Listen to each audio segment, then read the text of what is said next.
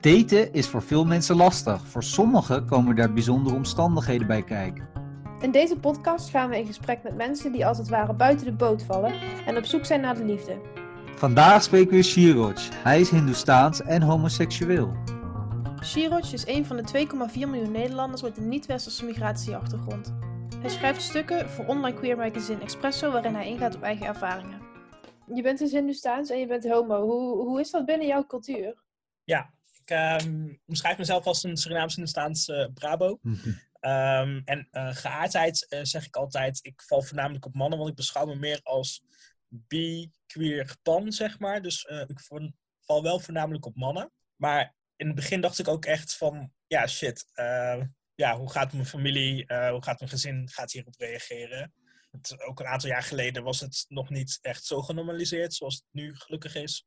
Ook binnen onze eigen gemeenschap. Ja, in het begin was het wel moeilijk. Um, wat, wat waren de maar, dingen die moeilijk waren?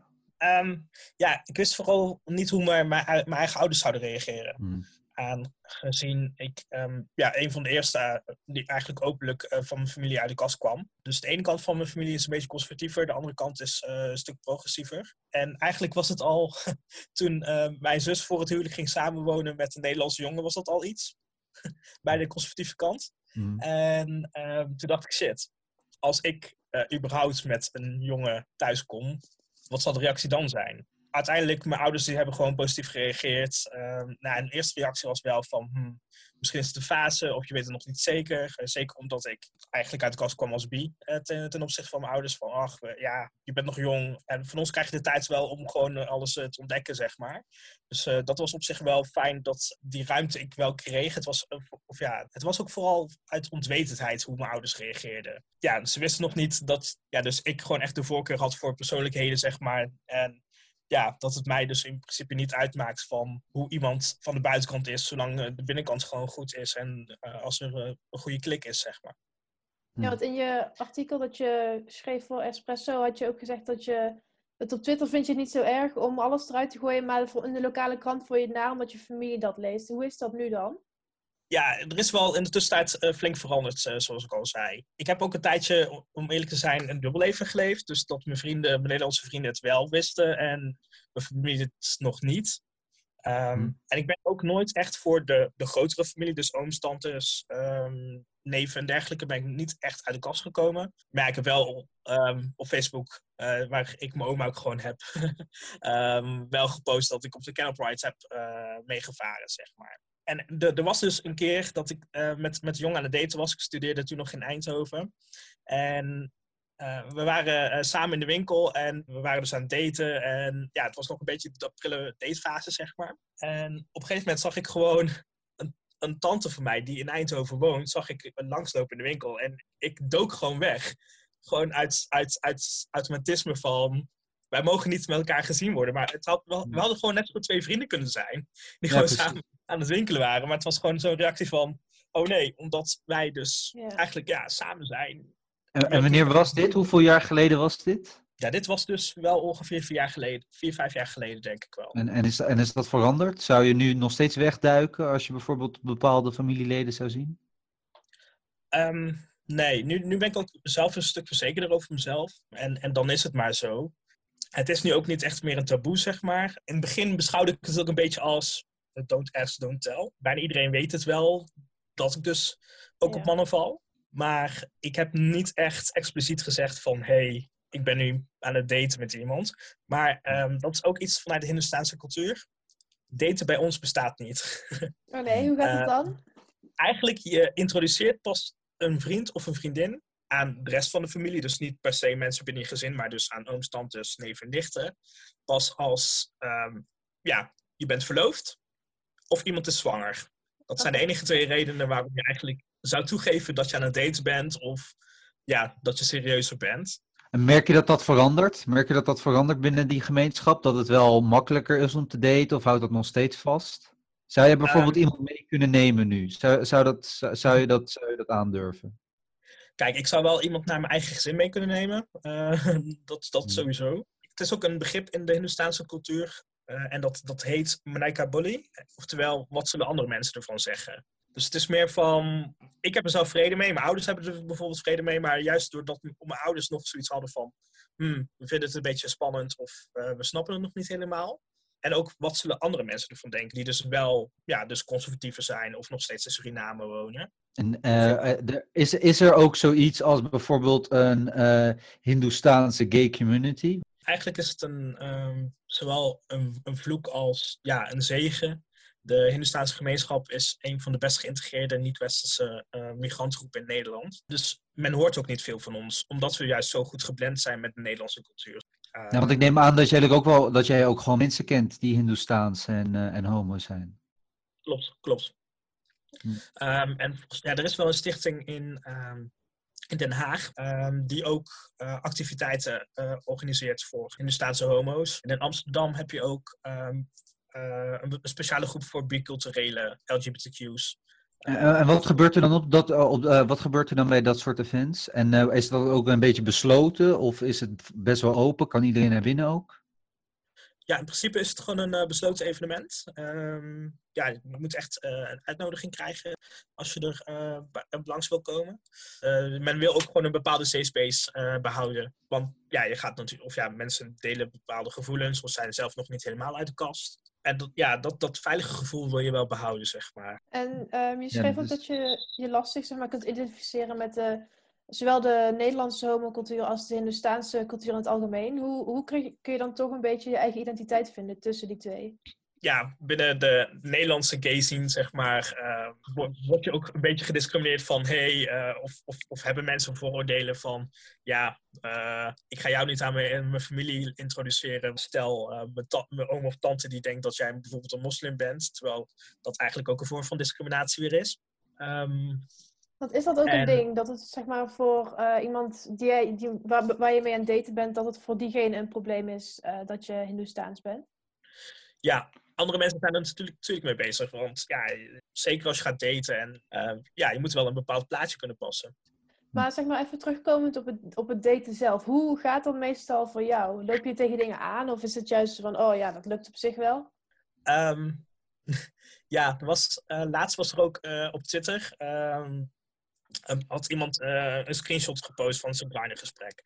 Het was Amerikaan, maar dus ook Amerikaans-Indiër. De, de andere jongen die vroeg eigenlijk van, hey, heb je meer foto's? Nou, dan had hij gewoon meer foto's toegestuurd. Mm. En als reactie kreeg hij, oh, ik wist niet dat je een Indiër was, want ik deed eigenlijk niet met Indiër. En hij heeft zo van, oké, okay, maar voordat ik een foto stuurde, waarom sprak ik me toen aan? Dus ja, ik dacht dat je eigenlijk een Latino was. En dat heb ik... Ehm, en dat ja, heb, heb jij dat ervaren? Ja, nee, soms heb ik dat ook. Dat, ja, um, het was een tijdje dat ik uh, een aantal keren in het jaar uh, naar Spanje ging. Nou, daardoor had ik, kon ik toen wel redelijk Spaans. Dus nou, stond er in mijn profiel van, hé, hey, ik spreek ook Spaans. Dus mensen denken vanwege mijn uiterlijk en dat ik Spaans spreek... ja, dat ik eigenlijk ook misschien Spaanstalige invloeden had nou, ik heb wel invloeden uit uh, Zuid-Amerika, maar niet uit Latijns-Amerika. Ja. Nee. Uh, ja, jij, jij zit dus, ik neem aan dat jij dus dan ook op Grindr zit. Hoe wordt dat dan gezien? Hoe wordt dat dan, want waar match je dan het vaakst mee? Ben ik dan benieuwd naar. Match je dan meer met, uh, met Nederlanders of match je meer met, met, met mensen die ook een Hindoestaanse achtergrond hebben?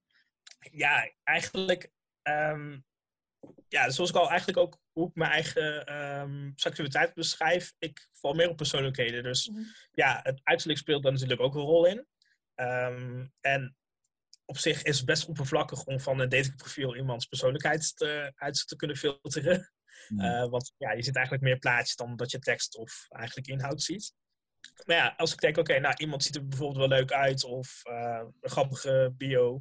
Nou, dan maak ik gewoon een praatje. Um, en ik weet eigenlijk na vijf berichten of er wel of geen match is. Uh, ja. Waar ligt dat dan aan? Ik weet niet, als er een bepaalde klik is of... Ja, ik, ik hou wel van praten, zoals jullie misschien wel hebben gemerkt. um, als er geen, ja, geen klik is of als iemand niet de moeite erin stopt om het gesprek gaande te houden, dan heb ik ook zoiets van, ja, ik ga niet alleen maar energie in een gesprek steken. Um, ja, en ook gewoon een beetje openstaan voor, voor de hobby's uh, die ik heb bijvoorbeeld. Of, kijk, en je hoeft niet per se um, met mij op date 1 naar een Bollywoodfilm te kijken of wat dan ook. Hmm. Echt niet. Maar als je gewoon zoiets hebt van, oké, okay, ik sta ervoor open. En niet meteen voor beoordelend zijn van, oh, het zijn toch alleen maar musicals en dit en dat. Nee, dat hoeft niet. Ja, door ook een, een, stukje van jezelf te laten zien. En die, die bereidheid, zeg maar. Van, of dat, dat dingen bij mijn cultuur dus anders zullen gaan. Dat je inderdaad niet meteen ehm, bij mijn familie wordt uitgenodigd uh, na een maand date of zo. Mm dat soort dingen. Je noemde net vooral Grindr. Ehm, is dat dan ook echt een manier waarop je je dates vindt? Of hoe, hoe doe je dat dan? Hoe vind je mensen om mee te daten? Dus uh, ja, ik heb uh, ja, eigenlijk Grindr, Tinder, Bumble, Happen. Dus vooral het online?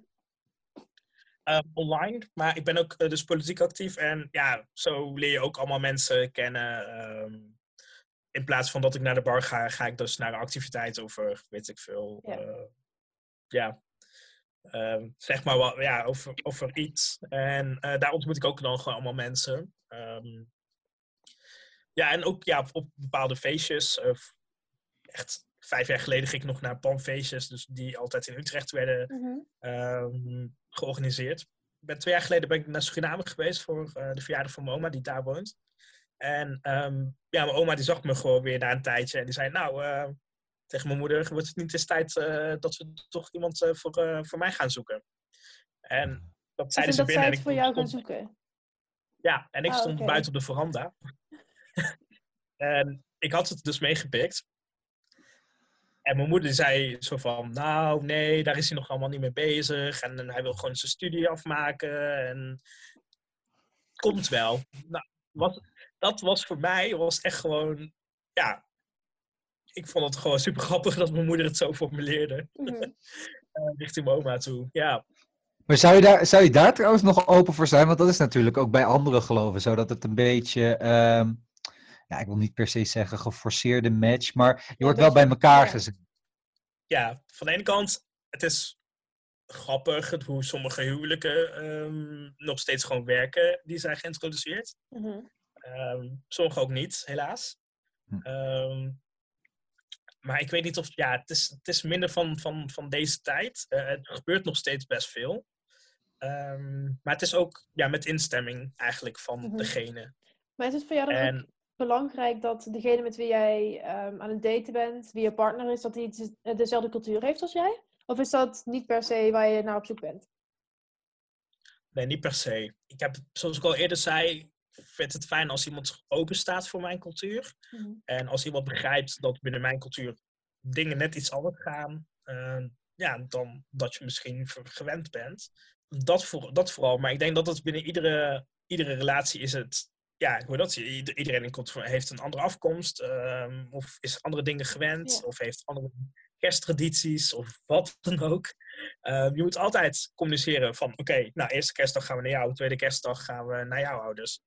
Um, ja, je moet altijd, het maakt niet uit of, of het een interreligie mm match is, zeg maar, of niet. Uh, je moet altijd uh, kijken of, of het wel of niet mogelijk is. Merk jij, merk jij dat ook binnen jouw familie, dat, het, dat interracial couples, dat dat ook meer een ding wordt? Nog niet heel veel, um, om eerlijk te zijn. Pas vooral de generatie die echt gewoon hier opgegroeid is.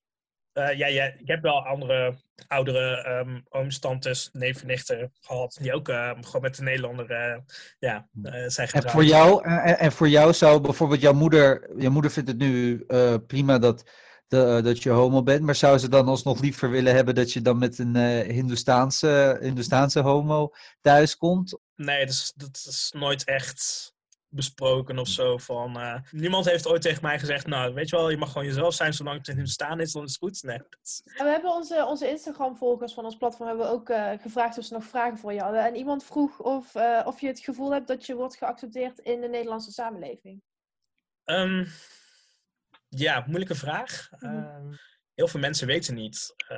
ja, wat de cultuurverschillen zijn, maar eigenlijk ook wat de overeenkomsten tussen onze uh, culturen zijn. Uh, echt, vorig jaar vroeg nog een goede vriend van mij, die ik echt, nou, ik ken hem al sinds dat ik drie ben, die vroeg nog aan mij van, vieren jullie eigenlijk ook kerst? En ik echt van, je hebt, je hebt jaren geleden nog een kerstboom bij mij thuis gezien. Zo, ja, ja uh, maar ja, echt ja, geaccepteerd worden, ja, ja, ik, ik doe gewoon mee met de Nederlandse samenleving, zeg maar. En ja. Wat is voor jou, zeg maar, het doel op het gebied van liefde? Hoe zie je jezelf daarin? Oef, ja. Ik heb echt gewoon, nou, over tien jaar gewoon huisje, boompje, beestje. Misschien over vijf jaar. Kinderen, um, eerst beginnen met een beestje. Dan even kijken. Uh, ja, ik heb een heel leuk, uh, leuk nichtje, de kleine van, van mijn zus. Um, daar, daar vind ik het gewoon leuk om uh, yeah. ja, nu al die, die, die groei te zien, zeg maar. Hoe enthousiast ze gewoon het Sinterklaas cadeautje wat ik haar had gegeven, hoe ze enthousiast daarop reageerde, dat was gewoon zo schattig. Maar je ziet ja, jezelf dus wel je... met iemand eindigen. Ja, ja, um, ja, hoe dat, ja, ook zeker nu vanwege corona en dergelijke, heb ik ook uh, date eigenlijk op een lager pitje gezet. Bedankt, Shiroch, voor je tijd. was echt een heel leuk gesprek. Ja, ja. graag gedaan. Uh, blij dat ik uh, aanschrijven. Volgende week spreken we Tom. Tom heeft Asperger en PTSD en hij vertelt ons over zijn ervaringen met daten. Bedankt voor het luisteren en tot volgende week.